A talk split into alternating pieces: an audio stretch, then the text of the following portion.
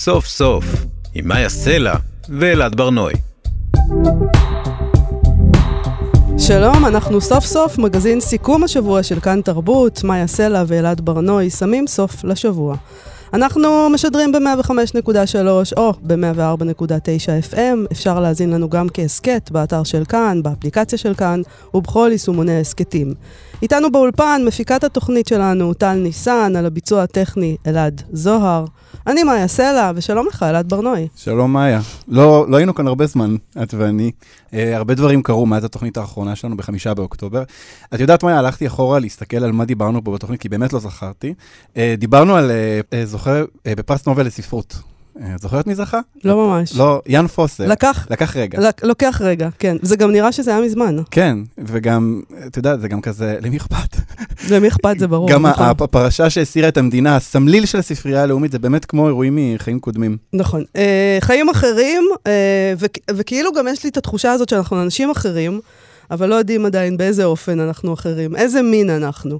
אה, אולי גם את זה ננסה לברר פה היום, ובתוכניות הבאות, איזה אנשים אחרים אנחנו עכשיו, אה, שזה דבר די מוזר לשאול את עצמך. אה, אבל הכל מוזר עכשיו. לפעמים גם עצם זה שיושבים ומדברים על תרבות, זה דבר קצת מוזר. כן, אבל י- זה מה שאנחנו נעשה. יש, יש תחושה שכאילו אי אפשר לדבר על שום דבר אחר, נכון? אי אפשר לחשוב על שום דבר אחר, זה כאילו בולע הכל. נכון. קרה לנו אסון מאוד גדול ובלע הכל, זה נכון. יש גם uh, דבר מוזר בלדבר על כל דבר שהוא לא האסון עצמו, כאילו, ממש על ההרג עצמו, על המלחמה. אבל מה שאנחנו עושים בשבועות האחרונים זה להתרחק קצת מזירת האירוע וכאילו למתוח חוטים כזה, לנסות לשרטט קווי מתאר של משהו. לפעמים זה קצת מגוחך לדבר על כל דבר שהוא לא הדבר עצמו, אבל זה חלק מהניסיון להבין מה קרה שם ומה קרה לנו. נכון. אה, אנחנו רוצים להבין את המשמעות של הדבר הזה, אה, וגם, אה, בוא נודה, יש פה אשמה. נכון? יש כאן עניין גם של אשמה. ממש. כשאנחנו מדברים על תרבות, ואנחנו, הנה, תשמעי, זה? זה תשמעי כמה? אפולוגטיקה על זה שאנחנו מדברים בדיוק, על תרבות. אז. בואי, בואי אני אספר לך על מה אנחנו הולכים. לדבר היום, מאיה, בלי התנצלות. כן. אנחנו נדבר היום על התפכחות. זו מילה שמשתמשים בה הרבה בשבועות האחרונים. הרבה אנשים מרגישים שהם התפכחו מדעה מסוימת, מתפיסה מסוימת, ויש גם איזה לעג מסוים לפעמים שנלווה לדבר הזה. אנחנו ננסה להבין מה זו בכלל התפכחות, האם יש קשר בין אדם פיקח בקוף לפיקח בכף, והאם זה קשור לעיניים פקוחות. עברית זו שפה מאוד מבלבלת. אה, אנחנו נדבר על התפכחות עם אה, מגיש ערוץ 14, שי גולדן, הוא די ידוע בזה שהוא התפכח מדעות השמאל שלו אה, מזמן. אבל בשבועות האחרונים נראה שאולי התפכח גם מתפיסות אחרות, הפוכות אפילו. אז בכלל, האם אפשר להיות מפוקחים בשעה הזו? האם אפשר בכלל לחשוב על עצמנו מפוקחים אי פעם, בתור בני אדם, שאנחנו יודעים שאנחנו כל הזמן שוב ושוב טועים? נדבר איתו על כל זה. נכון, אנחנו נדבר גם על המלחמה שמתקיימת ברשת, בעיקר בטיקטוק, ננסה להבין למה Free Palestine הפך לטרנד טיקטוק כל כך חזק. יש שם אה, איפור בצבעי דגל פלסטין, כאפיות, האם זה באמת טרנד של דור מסוים, או שזו פשוט הדעה הרווחת בעולם. אה, וגם פינתנו, את מי האינטרנט שנא השבוע, את מי הוא שנא השבוע? הצעירים שתולשים פוסטרים של חטופים ברחבי העולם, למה הם עושים את זה? ולמה ילדים שאמרו לנו שהם לא יוצאים מהבית, הדור הזה, פתאום הולכים להפגנות על נושא שהידע שלהם לגביו הוא מאוד מאוד מוגבל. מאוד מוגבל. מאוד מוגבל. אני ראיתי בטיקטוק אה, איזה מפגינה כזאת, צעירה, ילדה כזאת, אה, צועקת אה, From the river to the sea, זה הסיסמה, נכון? מהנהר עד הים. פל... הם יהיו חופשיים, פלסטין תהיה חופשית.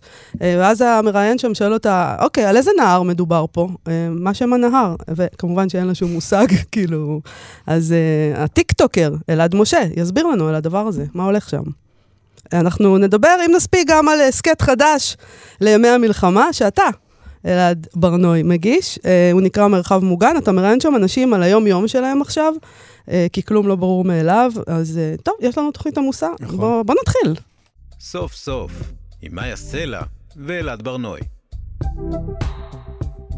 אנחנו כאן תרבות, שמים אה, לשבוע סוף. בזמן האחרון כולם מדברים על התפכחות, יש אנשים שהתפכחו ומדברים על זה, ויש אנשים שמלגלגים על המתפכחים, כמובן, ומשום מה בעיניי.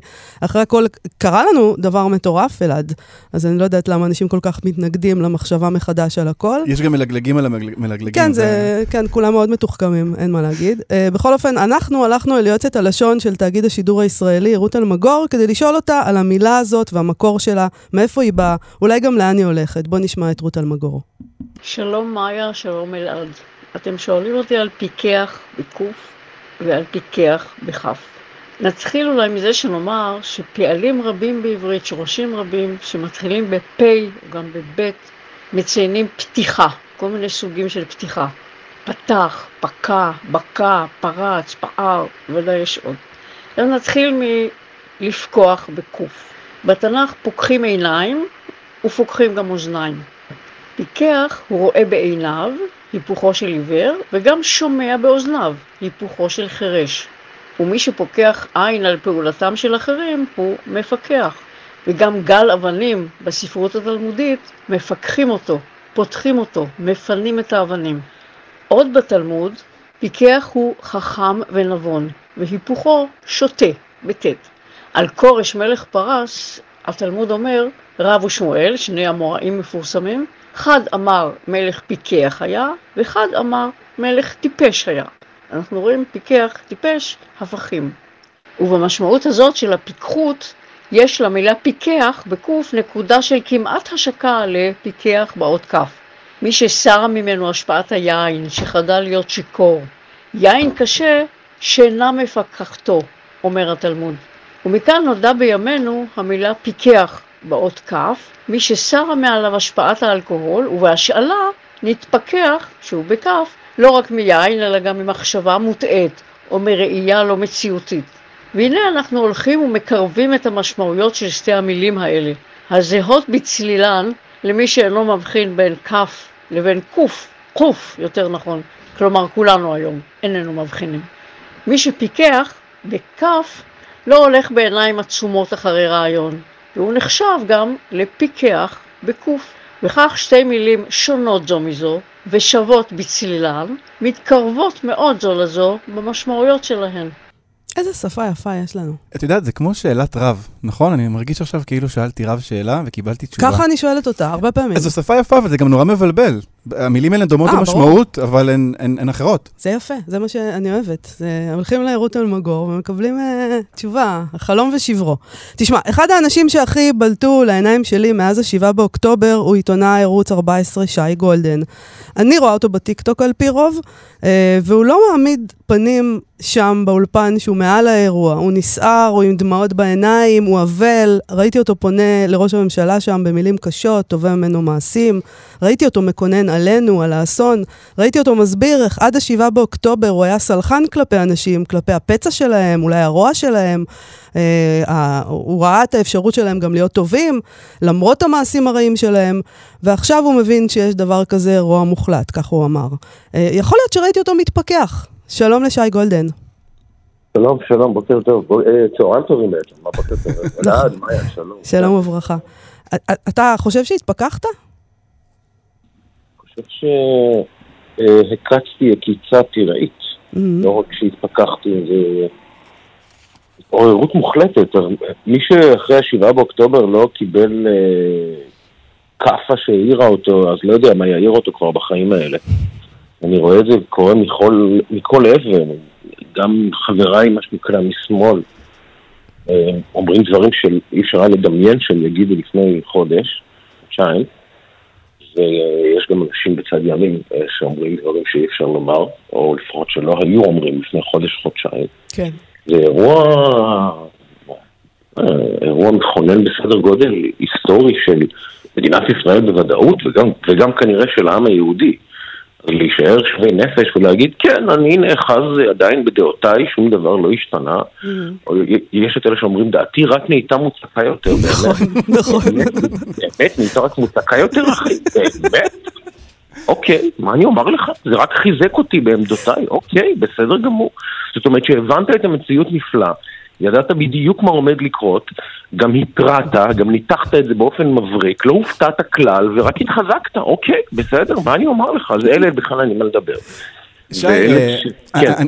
אני רוצה רגע להתעכב על העניין הזה של להתפכח, כי אה, כן. באמת אה, כולנו עברנו טלטלה מאוד גדולה, אני חושב שכל אחד מרגיש באיזשהו אופן מי שלא מרגיש שהוא השתנה, באמת, זה, זה קצת מוזר בעיניי, כולנו השתננו, אבל יש בהתפכחות איזושהי אה, אה, מחשבה על עצמנו כמי שרואים בראייה בהירה את מה שקורה. ועכשיו אנחנו נמצאים בתוך האירוע, והדברים, עבורי לפחות, נראים לא, לא בהירים בכלל. כלומר, אני רואה חוסר ודאות נורא גדול, אני רואה טלטלה מאוד גדולה, אני רואה שבר, אבל פיכחון, יש בו איזושהי, איזושהי חוכמה שאני כרגע לא מרגיש אותה. לא, אבל יש, א', אני מסכים עם הנחת היסוד שלך והאמירה נכונה לגמרי. אבל יש גם תובנות שאפשר כן אה, לזקק מה, מהדבר הזה. אני למשל תמכתי בראש הממשלה נתניהו כמה שנים, בכמה שנים האחרונות. אחת הסיבות העיקריות שתמכתי בו הייתה כי חשב, חשבתי שהוא, אה, לפחות בהיבט של הביטחון, אה, האדם הנכון במקום הנכון. והאמנתי שלמרות שיש בהחלט צדדים מורכבים בו ובאישיותו ובדברים שהוא עושה, עדיין אה, אה, תועלתו והטובה שהוא מסוגל להפיק מכיסאו למדינת ישראל יותר גדולים על הנזק שהוא מסב. ואחרי השבעה באוקטובר הבנתי שטעיתי ובגדול כמו שאומרים. טעיתי בגדול. האיש אינו כשיר לתפקידו ואינו ראוי לתפקידו ובמבחן ההיסטוריה הוא כשל כישלון שיהדהד עוד עשרות אם לא מאות שנים קדימה. וכך אגב הוא ייזכר, ואגב זה גם ה... איך נאמר את זה, האירוניה ההיסטורית של, אה, של אה, נתניהו, שרצה כל חייו להיזכר כמגן עם ישראל וכולי, וככה יזכרו אותו, הרי בעוד 200 שנה כשידברו על נתניהו, על מה ידברו?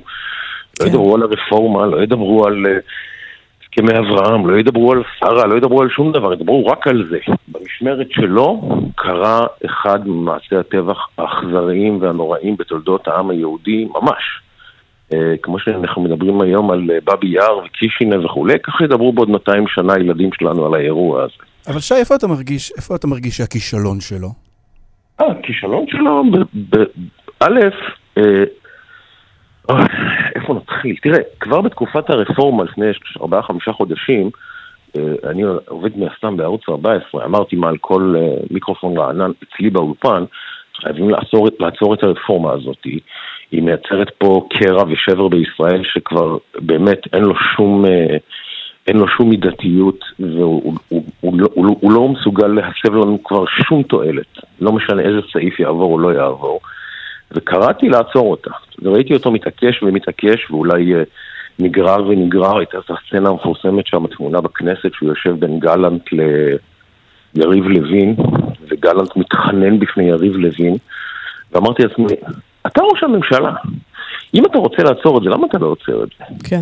אז uh, הייתי שם, הייתי מזועזע, גם אחרי הפיטורים של גלנט אגב הייתי מזועזע, וגם אז אמרתי בערוץ 14, מה אתה עושה בשם אלוהים? אז הייתה לי כבר איזה איך נקרא לזה, התעללות בתקופת הרפורמה. וכמובן שגם חבריי הטובים לימין אמרו לי, מה זה, אתה תומך בשמאל, איך אתה יכול להגיד? זהו, זה, להתפכח זה לא דבר קל גם, זאת אומרת, כן, כן, מבחינת לא, לא, הסביבה והתגובות שלה. אבל גם שימי לב שהמילה שהשתמשת בה עכשיו, שי, זה לא היה להתפכח, זה אמרת התערערת, זה כמעט הפכים, אני יודע שזה סמנטיקה, אבל זה, כן, להתערער מייצג באיזשהו אופן את התחושה הזאת. התעררתי מתפיסתי שבאמת הוא האיש הנכון במקום הנכון למרות המגרעות והבעייתיות ולא עצמתי עיניים לזה שיש מגרעות ויש בעייתיות ויש משקל שאנחנו נושאים על, על גבינו כמדינה וגם כמחנה. אחרי השבעה באוקטובר אמרתי לעצמי בליבי, אוקיי, אה, אתה ראש הממשלה, האירוע המטורף הבאמת לא יאמן שלדעתי ייקח לנו עוד שנים לעכל בכלל מה, מה, מה, מה קרה לנו. וזה עדיין קורה לנו, אגב, מן הסתם. נכון. אה, אה, זה שלך, ואם אני הייתי, אני הייתי אתה, הייתי אה, מתייצב מול עם ישראל, אומר, חברים, כשלתי, ואני לפחות, לפחות, לפחות, לוקח אחריות ומבקש סליחה. כבר עכשיו, כלומר, כבר בזמן שהאירוע הזה קורה? לומר אני אחראי, אני מבקש סליחה מעם ישראל, זה, זה פחות מהמינימום. זה למטה מהמינימום הוא מתחייב. זה, זה המינימום המינימלי. בזה שהוא עוסק בימים האחרונים רק ואך ורק בבניית הפורטפוליו המשפטי לוועדת החקירה, אה, מעביר אותי מדעתי פשוט. פשוט מעביר אותי מדעתי. וזה באמת, אתה יודע, אני הרי לאורך שנים שמעתי אנשים אומרים, הוא עסוק רק בטובתו האישית, לטובת ישראל במקום השני עבורו וכולי וכולי, אמרתי, לא נכון, אתם מגזימים, אין ספק שהוא פוליטיקאי וכולי, והכל משוקע לתוך זה, אבל בסופו של דבר טובת ישראל גדולה אה, אה, בעיניו מכל דבר אחר. ואחרי השבעה באוקטובר, בעיקר בהתנהלות של השבועיים, שלושה, ארבעה האחרונים, אני אומר לעצמי, וואלה, הם כנראה צדקו. אדם שעוסק עכשיו בהישרדות פוליטית, אדם שעוסק עכשיו ב... אה, לצייץ נגד אה, ראש השב"כ ורמטכ"ל, ושלא מסוגל לומר, אני אחראי, כולם אמרו. מראשון הטוראים עד ראש השב"כ, ראש אמ"ן, הרמטכ"ל, שר הביטחון, אחותי אמרה, מי לא אמר אני אחראי? כל, מי, ש, כל מי שיכול היה אמר אני אחראי. תגיד אני אחראי כי אתה האחראי הראשון אגב. גולדן, אתה חושב כן. שאתה עלול לשלם מחיר על הדברים האלה שאתה אומר עכשיו? א', אני, אני, זה אני לא, לא פעם ראשונה שאני אומר אותם, אז אני גם אומר אותם בערוץ 14. כן, כן, על הדברים שאתה אומר גם שם. אה, אשלם באהבה מחיר, את המחיר הזה, נו, גם שיל, שילמתי מחירים, אה, את יודעת, הת- התראינו לפני, אחרי, לפני, לפני צאת המצאת החיים. ואמרת, מה יקרה, הרי המבקרים עכשיו שאתה ביביסט לא זה, אמרתי לך, "היי, יקירתי, אלה החיים, הם לא יאהבו אותי אז, לא יאהבו אותי עכשיו, וגם, נכון. אה, את יודעת, וגם אה, עכשיו, בסדר, מי שדעתו לא נוחה, שדעתו לא תהיה נוחה, הוא יישאר בחיים, אני אשאר בחיים, אבל לעמוד מול הדבר הזה, ולהגיד, לא, לא, השמאל רודף את ביבי. לא, לא, התקשורת רודפת את ביבי. לא, לא, לא, זו מאיה סלע שרודפת את ביבי, השמאלנית הארורה הזאתי, ואנחנו צריכים להתקבץ סביבו. ול, ולצופף שורות ולשמור עליו מכל משמר, בעיניי זה פשוט פרודיה. יש עוד, אפשר. אבל יש עוד דבר חוץ מנתניהו, שאני שו- ראיתי בסרטונים האלה בטיקטוק, שאתה אומר, מערוץ 14 כמובן. כן. אמ, אתה מדבר שם על האופן שבו אנחנו אה, הסתנו את הת- אה, אחד נגד השני, שנאנו אחד את השני. אמת, אה, אמת. כל הדבר הזה, השמאל אמת. בוגד והימין, לא יודעת מה. גם בוגד, נכון? אמת, גם אמת. שם לא. טעינו. עכשיו, הטעויות האלה שלנו, אני אומרת שלנו, נגיד אם אני אקח את האחריות על התקשורת, אתה ואני, בסדר? של כן. שנינו. זה לא שאפשר להגיד, אה, בעיניי, אופס, טעיתי, אוי, סליחה. זה טעויות קשות מאוד, עם תוצאות קשות מאוד אולי. באמת, אה, אה, תראי, אגב, פה אני חושב שהאחריות מונחת לפתחם של, של באמת הרבה הרבה אנשים, מה שנקרא משני הצדדים. כן. זאת אומרת, האירוע של הרפורמה יצא מכלל שליטה והידרדר למקומות שאסור היה שידרדר עליהם, באמת. ולומר מי התחיל זה כבר באמת, עכשיו מן הסתם לא נורא מעניין, ומן הסתם גם הרפורמה הזאת היא מתה, קבורת חמור תיקבר.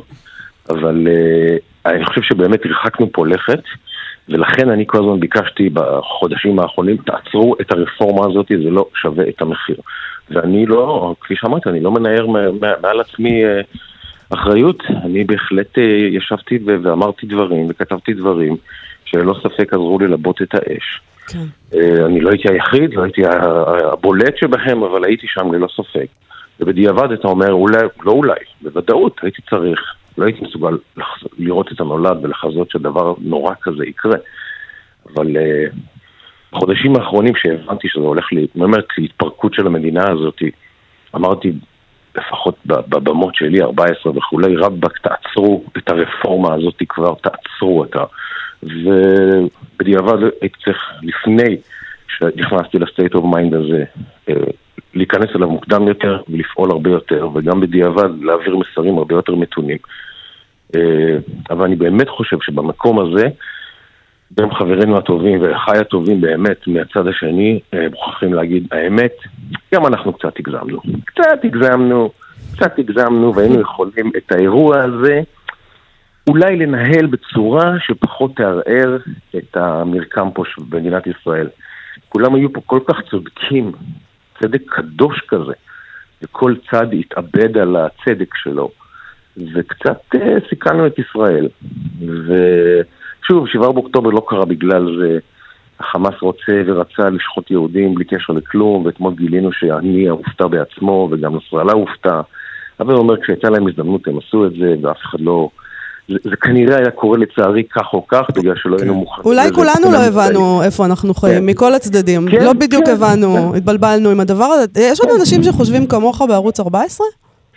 אה, אני לא יודע אם מגישים, אני גם, אני, אני גם לא באמת מדבר עם כולם מן הסתם, אבל אה, פאנליסטים שיושבים אצלי, אלה לא ספק שאני אומר את הדברים האלה, חלקם אומרים אה, אמת. יש גם בימין, ואני חושב שזה סנטימנט שאסור שהשמאל הישראלי יחמיץ. גם בימין יש התעוררות אמיתית בהיבט הזה של אה, הרבה מאוד אה, אנשים, אגב, ראיתם את גלית דיסטל, כן. טלי אה, גוטליב אמרה אצלי, רק לפני יומיים, נתניהו אחראי, מה זאת אומרת, איזו שאלה בכלל. נכון, ראיתי. זאת אומרת, יותר ויותר אנשים, גם בימין הישראלי, אומרים, כן, חבר'ה, קרה פה דבר, אנחנו לוקחים אחריות, מר נתניהו, ובסופו של דבר, מה לעשות, זה מתנקז אליו, כי הסיפור הישראלי בעשור האחרון, כמעט כולו, הוא, הוא היה ממש הציר הארכימדי של, של הסיפור הישראלי. שי, אני, ו- אני רוצה לשאול כן. אותך לסיום, אה, כן. לפני הפעם הבאה שמישהו מאיתנו יתפכח ממשהו, אה, יש כן. לך איזושהי דרך להסתכל על עצמנו עכשיו בתוך רגע מסוים ולהגיד, מה הלאה, אנחנו, איך, איך, לא, איך לא להגיע למצב שאנחנו צריכים להתפכח ממנו? איך לא כל החיים להיות באיזה עמדה, להתבצר בה, ואז להתפכח ממנה ולא להבין איך הייתי באדם הקודם הזה? אתה יודע מה, זה אולי מכל השיעורים שאנחנו אמורים לנסות ולהסיק או ללמוד מהאירוע הזה, צריך להיות אחד הבולטים שבהם. איך אני לא נאחז באמת שלי, אבסולוטית וצודקת כפי שהיא תהיה בעיניי, אה, כי קרוב לוודאי שהאפשרות שאני טועה קיימת, ואיך אני לא מוכן לשפוך את כל התינוקות עם כל המים בעולם בשם האמת שלי ובשם הצדק שלי. וזה חייב להיות אחד השיעורים, לפחות אני מתכוון לקחת את השיעור הזה. להיות הרבה פחות נחרץ, הרבה פחות אה, אה, שבעה סימני קריאה, לא שאני שם שבעה סימני קריאה בסוג שום, משפט.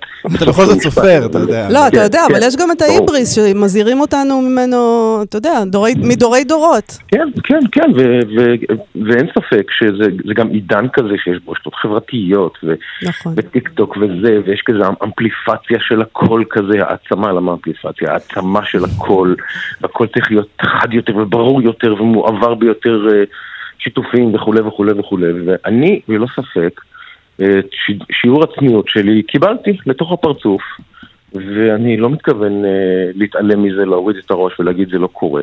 קיבלתי סטירה, קיבלתי שיעור, גם אישי, גם עיתונאי, במסגרת השיעור הלאומי, כולנו קיבלנו שיעור לאומי. אני באמת פחות מקצף על המים בחשיבות התהליך האישי שלי. אבל אני, מהמקום הקטנצ'יק שלי, כאדם שכותב ומתבטא וכולי, חייב לשקף את זה למי שעוקב אחריי וקורא אותי וצופה בי. לומר לו, חבר'ה, אני טעיתי ואני צריך לקחת אחריות על הטעויות שלי.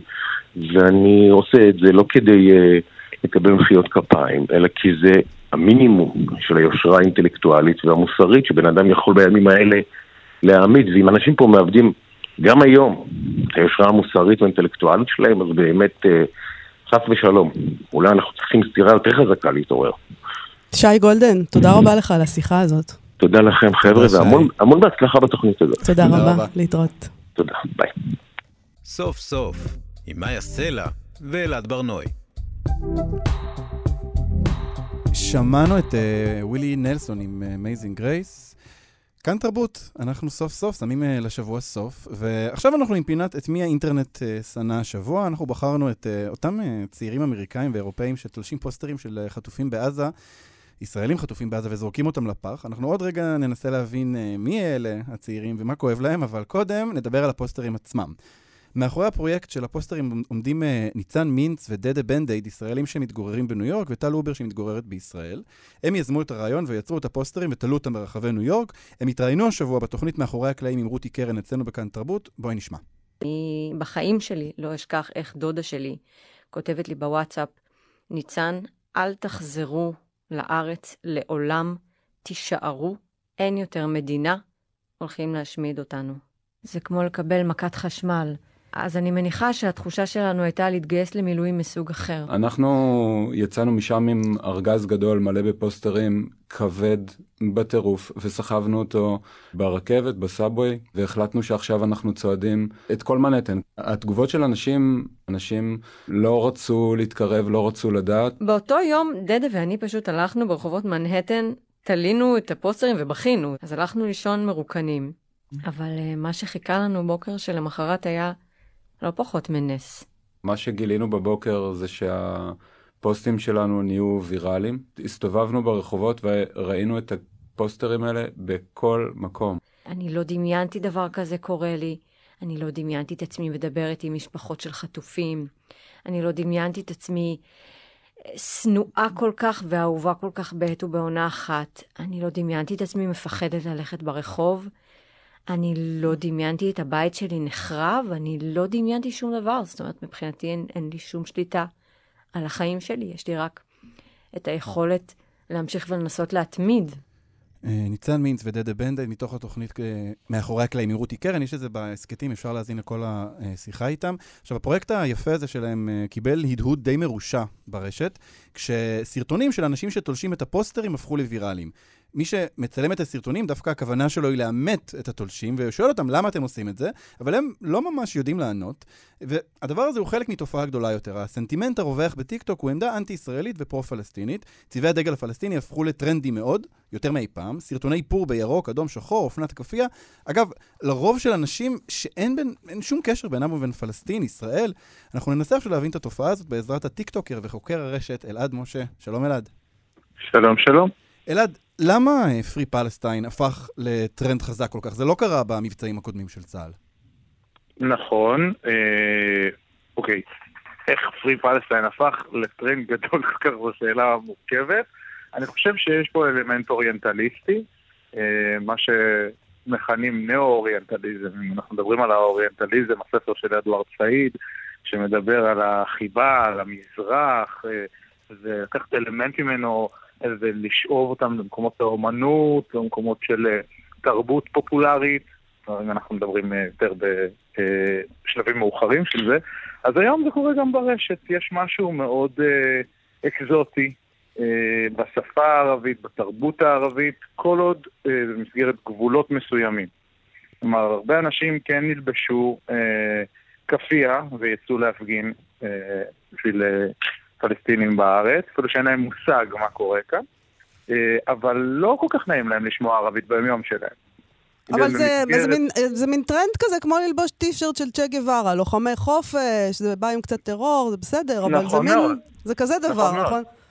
זה מתנהל באופן כללי, כל הקמפיין Free Palestine כרגע ברשת, מתנהג כמו טרנד טיק טוק לכל דבר ועניין. טרנד טיק טוק, אינסטגרם, בכל הרשתות יש את הדבר הזה הרי. אה, זה חוצה מגזרים, אה, חוצה יבשות וגילאים. אבל אם אנחנו מסתכלים מי האנשים שמובילים את זה, לפחות הכי רואים אותם מובילים את זה ברשת, זה, זה ילדים. ילדים, כלומר נערים, Gen Z. אה, דור, דור ה-Z, נכון? אלה שנולדו כן. בסוף שנות ה-90, תחילת שנות ה-2000. שירי נכון. ראובן טבעה ביטוי, ביטוי, הסטנדאפיסטית שירי ראובן קוראת להם אפרוחי ה woke. אז, אז כן, עכשיו, אהבתי את זה. זה טרנד שהם, שהם מובילים כי זה מה שמעסיק אותם, או שזה...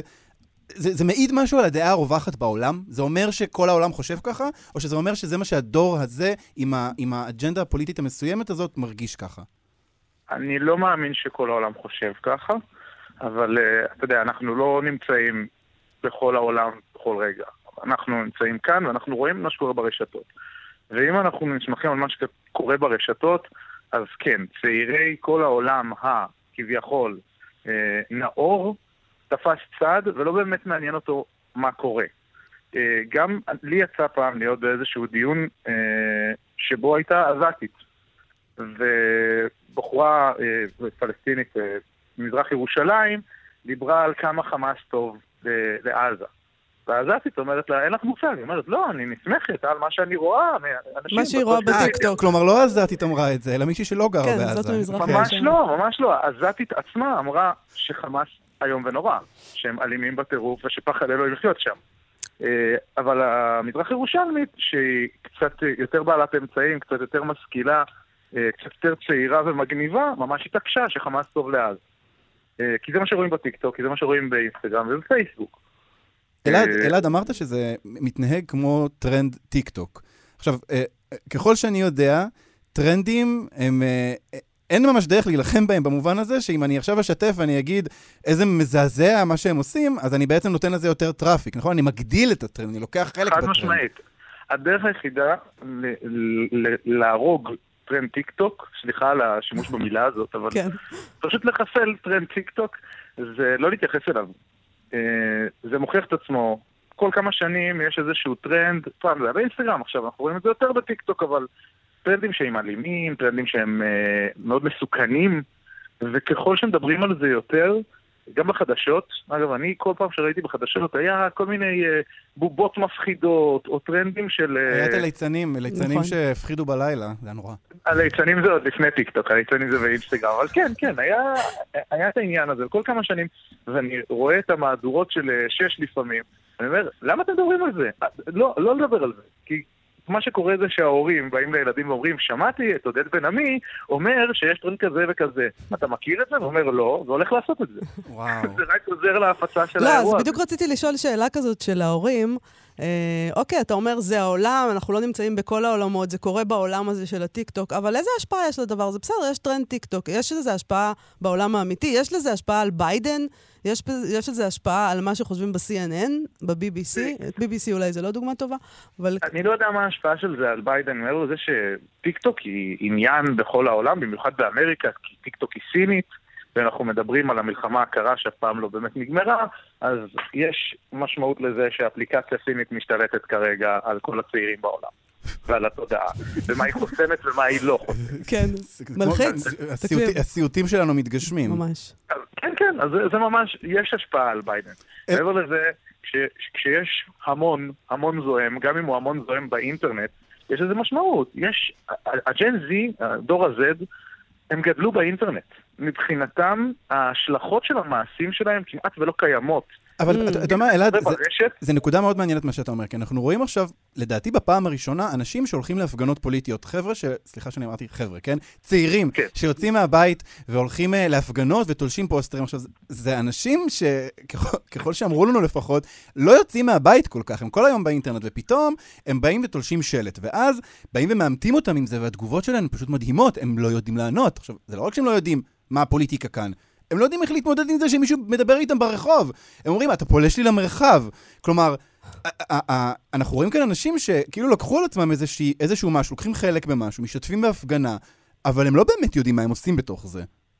נכון מאוד, ואנחנו ראינו את גרטה כן, אני מקווה שהגיתי את זה נכון, אה, אבל אה, גרטה שהיא פעילת אה, איכות סביבה מאוד מאוד ידועה, מאוד מפורסמת, והיא הייתה מין מובילה של אה, חבר'ה שהפגינו בכל העולם בנושא הזה. והרבה ג'ן זי אה, הם מאוד בעד איכות סביבה, אבל ביומיום שלהם לא אכפת להם איכות סביבה. אם תגיד עכשיו לאנשים מדור ה-Z שהסמים שהם משתמשים בהם אה, גורמים להרג ומזהמים, הם לא יפסיקו לעשות סמים, זה לא באמת מעניין. מעניין שזה יצטלם טוב, מעניין שזה נראה טוב. זה ממש לא הפתיע אותי שגרטה ישר תפסה צד. זה, זה באמת, אה, זה טבעי. ראיתי איזה ציטוט שלה, שהיא אמרה שאין אה, צדק אקלימי, צדק אקלימי אה, עם כיבוש או משהו מהסוג הזה. כן, יש שם הרבה דברים מאוד לא ברורים. אנחנו מסתכלים על LGBT, בטיקטוק מאוד מאוד חזק העניין הזה של LGBT for Palestine, mm-hmm. ש, שזה מה שקוראים בטיקטוק כ-Chickens for KFC. כן, כן, כן. שזה דבר שהוא מצחיק, אבל יש בו משהו. נכון. כלומר, קהילת הלהט"ב בשטחים הכבושים, או אה, אני לא יודע איך אה, לכנות את עזה היום, אנחנו בסיטואציה מאוד מאוד... בוא נגיד שהחמאס לא היו מחבבים אותם, בוא נדבר על החמאס כן, ונגיד כן. את זה לפחות. לא כן. היו ולא יחבבו כן. בעתיד.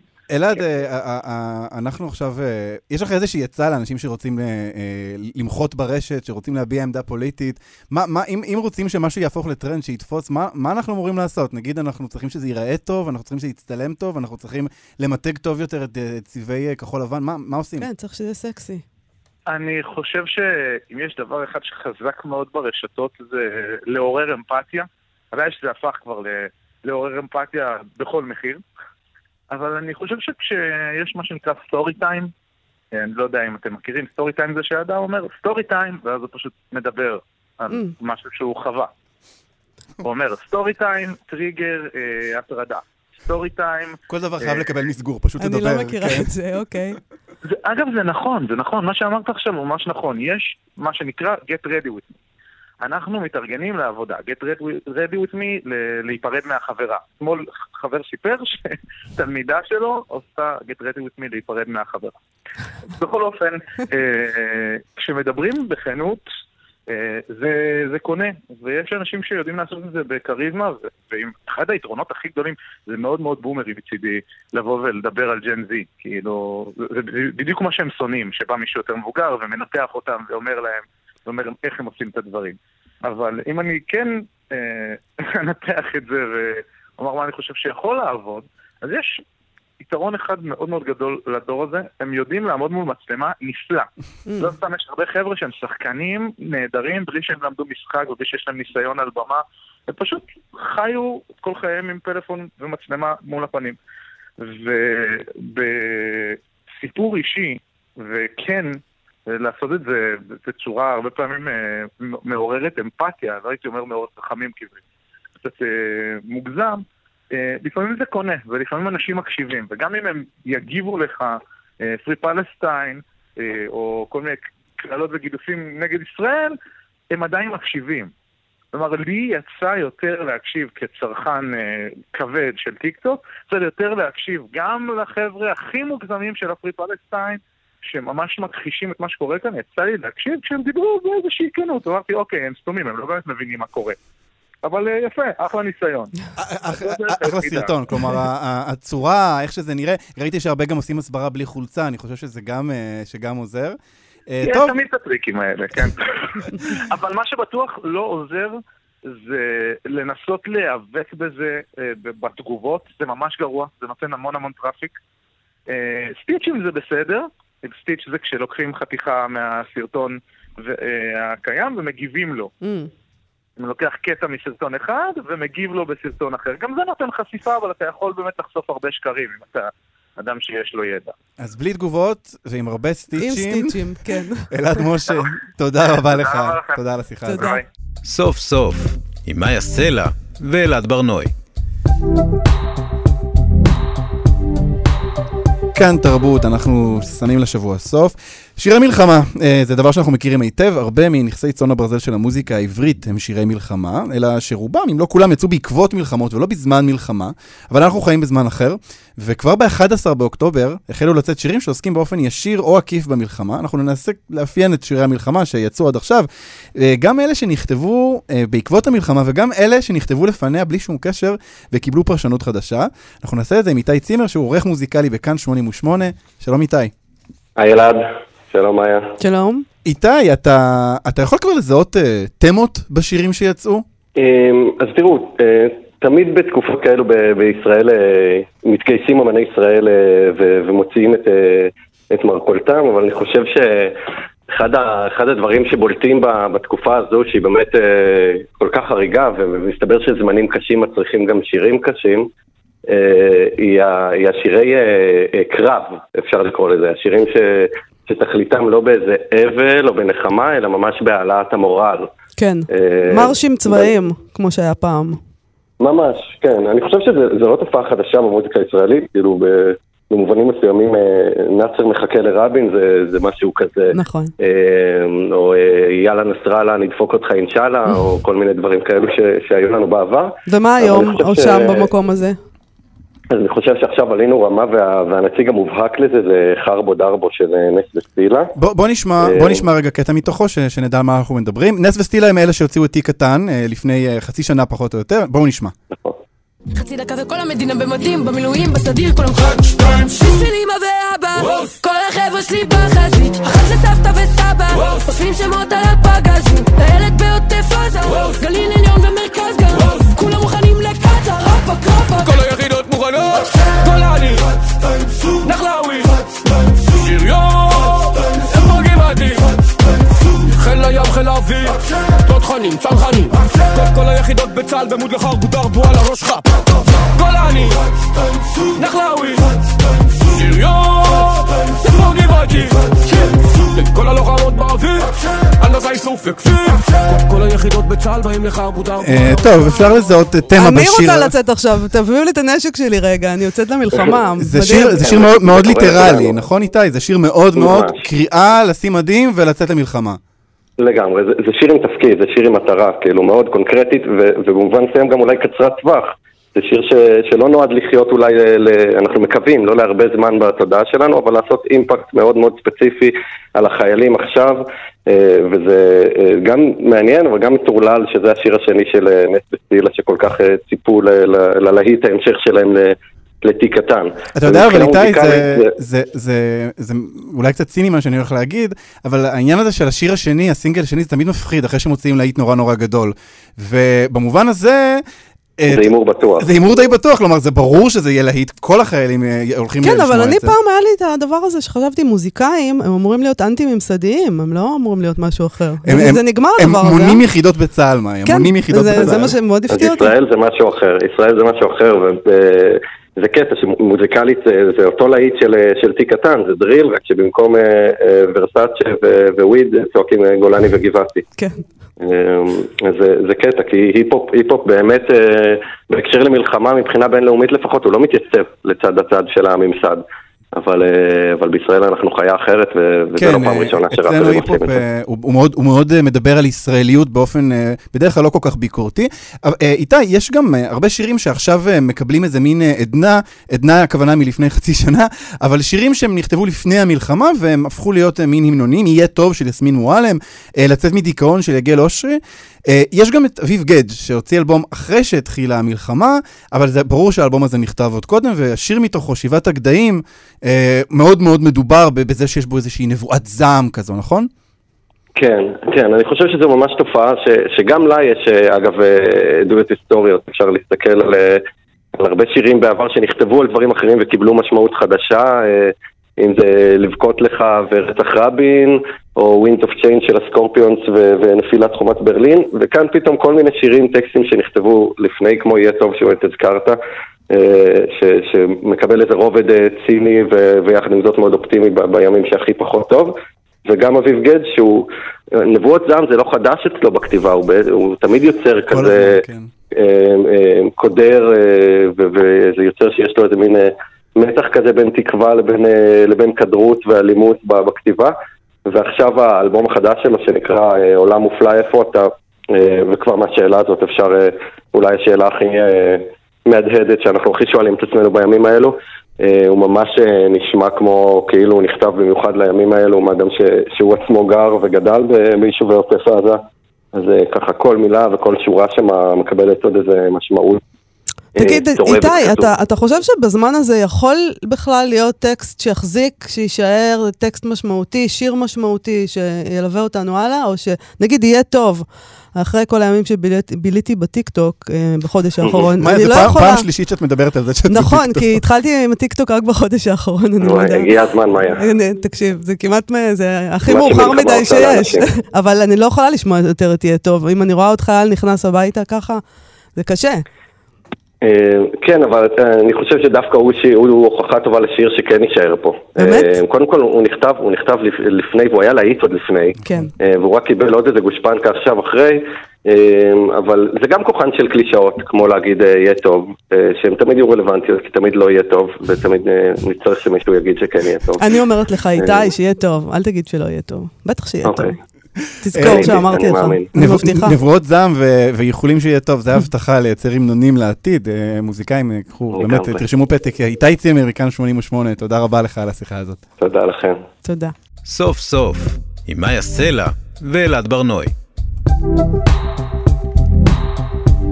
הסכת חדש על השבוע, אלעד, אצלנו, מרחב מוגן, ההסכת שלך. אה, ההסכת שבו אתה מדבר עם אנשים על היום-יום שלהם, והיום-יום עכשיו זה לא איזה דבר מובן מאליו, ולכן הדבר הזה קורה. אה, למשל, אתה ראיינת את אורלי קסטל בלום, בעיניי נורא נורא מצא חן שהיא אמרה מה היא לא מרשה לעצמה. עכשיו, דיברנו בהתחלה, אה, בתחילת התוכנית, על העניין הזה של אשמה. כן. למשל, לאכול פירות שהיא אוהבת. היא לא מרשה לעצמה. אני מציעה שנשמע אותה. יש, יש איזה צורך כל הזמן ל...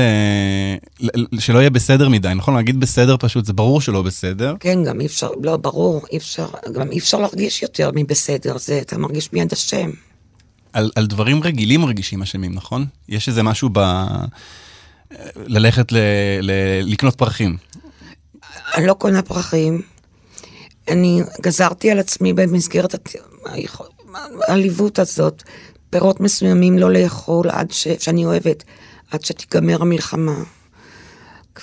כל מיני שטויות כאלה שאני אמרתי לעצמי, "אה, ואל תאכלי את זה עד שתיגמר המלחמה. כי זה, כי זה משמח מדי? כי זה חגיגי כי את מדי? תרגישי טוב, זה הרבה אוכל, זה טעים.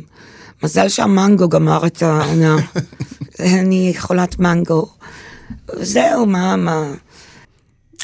זה פשוט אה, נגעה לליבי, אני חייבת אפשר להגיד, מזל שזה לא מדברת על כל מנגו. דבר בעולם, נכון? נכון. בוא תגלה לנו מה צפוי בהמשך, אני כבר שמעתי את אה, קובי מידן ואת איתי בן שמחון, נכון. מה עוד יש? יש לנו, יהיה? לנו את אה, רון כחלילי ותהילה חכימי ויונתן שגיא ועוד הרבה, הרבה שמות של אנשים שמדברים באמת על הרזולוציות הקטנות האלה של היום-יום, לא שאלות גדולות, הבנה כזה של הריטואלים. אה, לדעתי זה, זה שאלות שמעניין לשאול אותן, גם אגב, לא בתקופת מלחמה. נכון, אבל עכשיו ביתר שאת, כי כולנו מרגישים שסטינו קצת מה... מה איך אנחנו אמורים להתנהג עכשיו? ממש, משהו להאחז בו. מאיה, אה, לפני סיום אני רוצה לקרוא לך שיר אה, של אלחנן ניר. קוראים לו אה, מי שנפלה עליו מפולת, אה, והוא מתוך ספר באותו שם, בהוצאת הקיבוץ המאוחד. אה, מי שנפלה עליו מפולת זה ציטוט מתוך שולחן ערוך, אה, שמופיע בתור מוטו בתחילת השיר. אגב, במוטו הזה גם יש את המילה מפקחין, שרות אלמגור דיברה עליה בהתחלה, אז הכל באמת מתחבר. אה, אני אקרא את המוטו ואחריו את השיר. מי שנפלה עליו מפולת, ספק חי, ספק מת, ספק הוא שם, ספק אינו שם, מפקחים עליו, אף על פי שיש בו כמה ספקות. מתוך שולחן ערוך, מי שנפלה עליו מפולת, ומי שלא נפלה עליו מפולת, והוא ספק חי, ספק מת, ספק שם, ספק אינו שם, מי בכלל יודע ממנו? וכמה ספקות שיש בו, וכמה רעדים, וגדרות דם, הוא הנפש, שחיטות קטנות בווריד, והשיטה פורחת, ואין מי שיפקח עליו. יפרוס אליו כפיים בתפילה ויאמר לו, ברוך אתה. ירים את ראשו, יביט ויאמר לו, אתה נראה טוב היום, אולי תקפוץ לקפה. מי בכלל יודע ממנו? אלחנן ניר, שיר כל כך יפה. מה יש לומר? עד כאן, זה מה שיש לומר. עד כאן סוף סוף לשבוע זה. אנחנו נהיה פה שוב בשבוע הבא, אבל. Uh, תודה למפיקת התוכנית טל ניסן ולאלעד זוהר על הביצוע הטכני, ותודה לך, אלעד ברנועי. תודה לך, מאיה סלע, שיהיה סוף שבוע שקט, נתראה בשבוע הבא. להתראות.